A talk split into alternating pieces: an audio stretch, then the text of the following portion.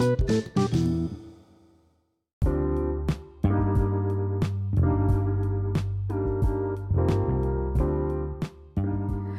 semuanya, balik lagi di podcast 25 bersama gue Anis. Hmm.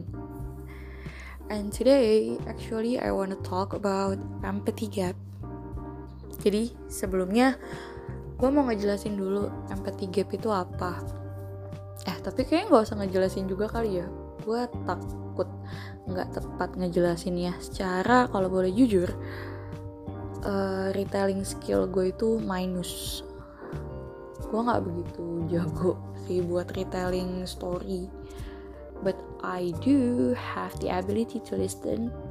Yeah I'm a good ear actually. Nah jadi gue mau mulai dari contoh aja sih uh, lu pernah gak sih ngerasa misalnya ada suatu kejadian nih contoh di uh, eh, KRL lo ngeliat ada ibu-ibu yang terkena pelecehan seksual. Lo ngeliat nih, tapi ibu-ibu itu tuh nggak ngapa-ngapain, cuma kayak diem aja dia nggak bertindak sesuatu. Terus lo dalam hati tuh kayak, wah gila nih ibu-ibu. Lawan kayak tampol kayak teriak kayak kenapa diem aja? Wah kalau gue di posisi ibu itu udah gue tampol tuh orangnya. Udah gue teriak udah gue maki-maki. Itu contohnya. Satu. Pernah nggak ngerasa kayak gitu? Kalau gue sih pribadi gue sering. Atau kalau itu kan tadi projection gue terhadap orang lain ya. Gue uh, berusaha menempatkan diri gue in someone else's shoes but gue sotoy aja gitu. Oh kalau gue tuh bakal kayak gini gini gini. Sekarang gue menempatkan diri gue ya sebagai diri gue contohnya nih ya gue komit nih. Gue komit diet. Gue cuma mau makan sayur aja. Gue makan sayur. Apakah nanti di minggu depan gue akan tetap makan sayur jawabannya belum tentu Nah, itu namanya empathy gap. Kayak our inability to predict what's gonna happen in the future. Gitu. Pernah gak sih lu? Pasti pernah lah ya. Oh, tai banget lu kalau gak pernah. Bong. Nah, terus gue mau bahas kenapa sih kita tuh experience empathy gap. Gue baca-baca beberapa artikel sih, kenapa kita bisa experience empathy gap.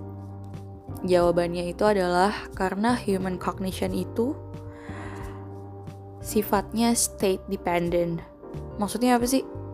Jadi kemampuan kita buat memproses informasi, melakukan pengambilan keputusan, bahkan kayak ngejudge orang itu tuh kayak uh, bergantung pada mental state kita saat itu. Contohnya apa? Ibu-ibu yang kena pelecehan seksual tadi yang gue jelasin, kita kan soto ya kayak ah bakal gue tampol tuh orangnya. Padahal kalau kita ada di posisi ibu itu apakah kita bakalan melakukan hal yang tadi kita sombongkan itu prediksi itu? Jawabannya belum tentu. Tergantung pada mental state kita pada saat itu seperti apa. Gitu jadi ibaratnya nih ya lu kan gampangnya nih ya lu lagi misalnya lo habis makan terus lo merasa kenyang. Nah ketika lo kenyang itu lo tuh kesulitan untuk memprediksi apa yang akan lo lakukan ketika lo lapar lo nggak ada uang lo kayak nggak bisa apa-apa. Misalnya kan sekarang lo nyaman bisa tidur dengan nyaman lo kenyang segala macem. Tapi lo nggak bisa memprediksi lu sulit untuk berempati untuk merasakan sesuatu ketika uh, lo dalam keadaan misalnya di masa depan gitu lo dalam keadaan uh, kelaparan atau sedang tertimpa bencana segala macem ya susah lo aja sekarang lagi nyaman hidupnya. Jadi gitu itu empati gap. Terus juga ini sih ini rada curhat anjir patah hati. Gua itu dulu sangat sangat sangat apa ya hmm, orangnya gue itu sangat nge-cancel orang yang abis misalnya putus patah hati terus nangis-nangis. Terus kayak even sampai bahkan banyak kan kasusnya ada yang sampai bunuh diri. Itu gue tuh sangat meng-cancel orang-orang seperti itu. Kayak sebel aja ngapain sih lo anjir? Sampai segitunya. Ngapain lo uh, apa sih? Ya udah sih kalau putus ya udah sendiri aja. Kan masih ada teman-teman lo ada keluarga lo bisa melakukan aktivitas segala macem. Hmm, ya gue gagal untuk menempatkan diri gue kalau gue yang mengalami itu. Jadi gue bisa ngomong kayak gitu. Waktu itu posisinya gue lagi nggak patah hati terus gue bisa aja gitu dengan seenak jidat ngomong kayak gitu. Dilalahnya gue merasakan patah hati terus oh gini ya sakit ya? Oh gitu. Ya jadi begitu. Terus apalagi ya?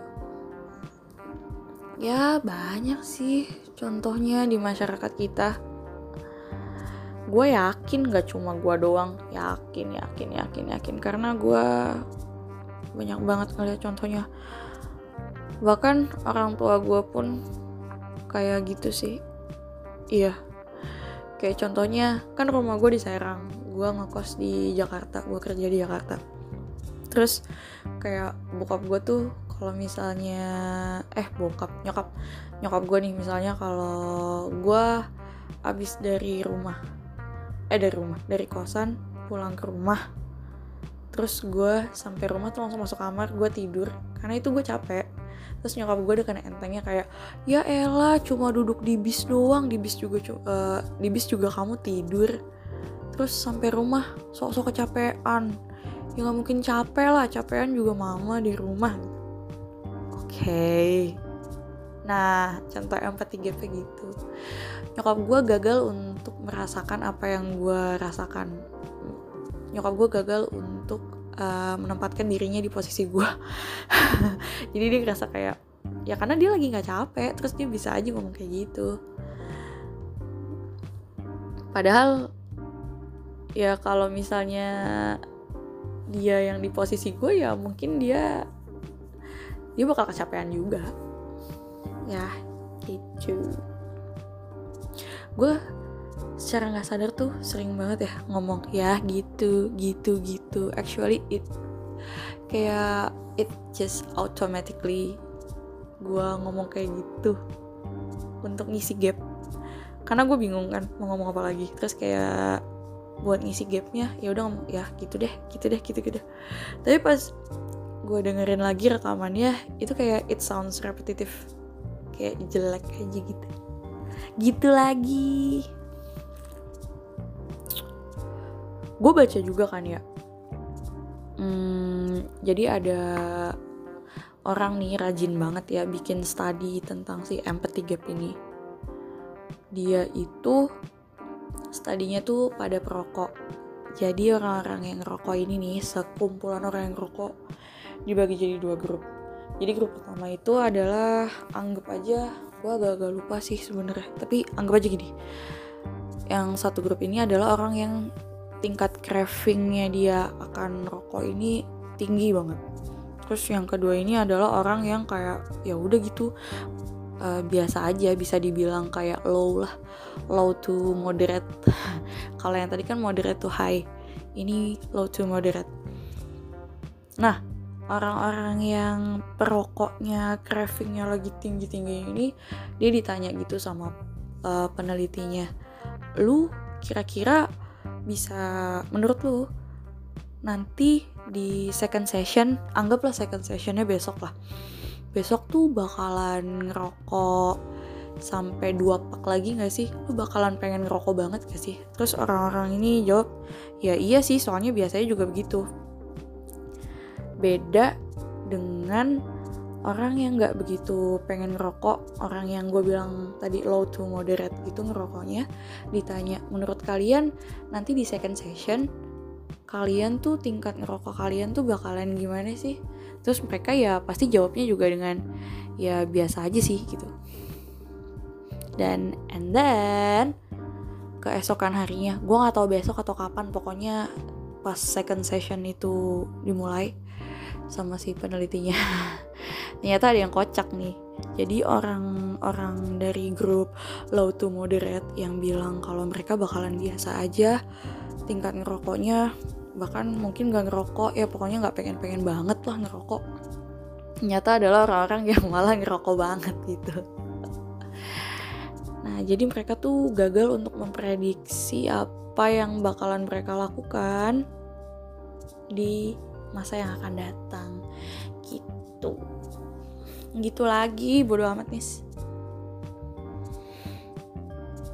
ya karena mental state-nya ya karena men uh, si perokok tadi itu kan mental state-nya dia pada hari itu adalah mereka nggak pengen ngerokok.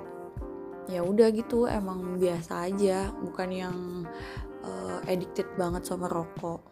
Tapi keesokan harinya kita nggak tahu uh, mental proses apa yang mereka alami experience apa atau mereka kena influence dari mana yang menyebabkan mereka malah pengen merokok atau mereka hangout dengan orang-orang grup yang uh, craving rokoknya tinggi ini.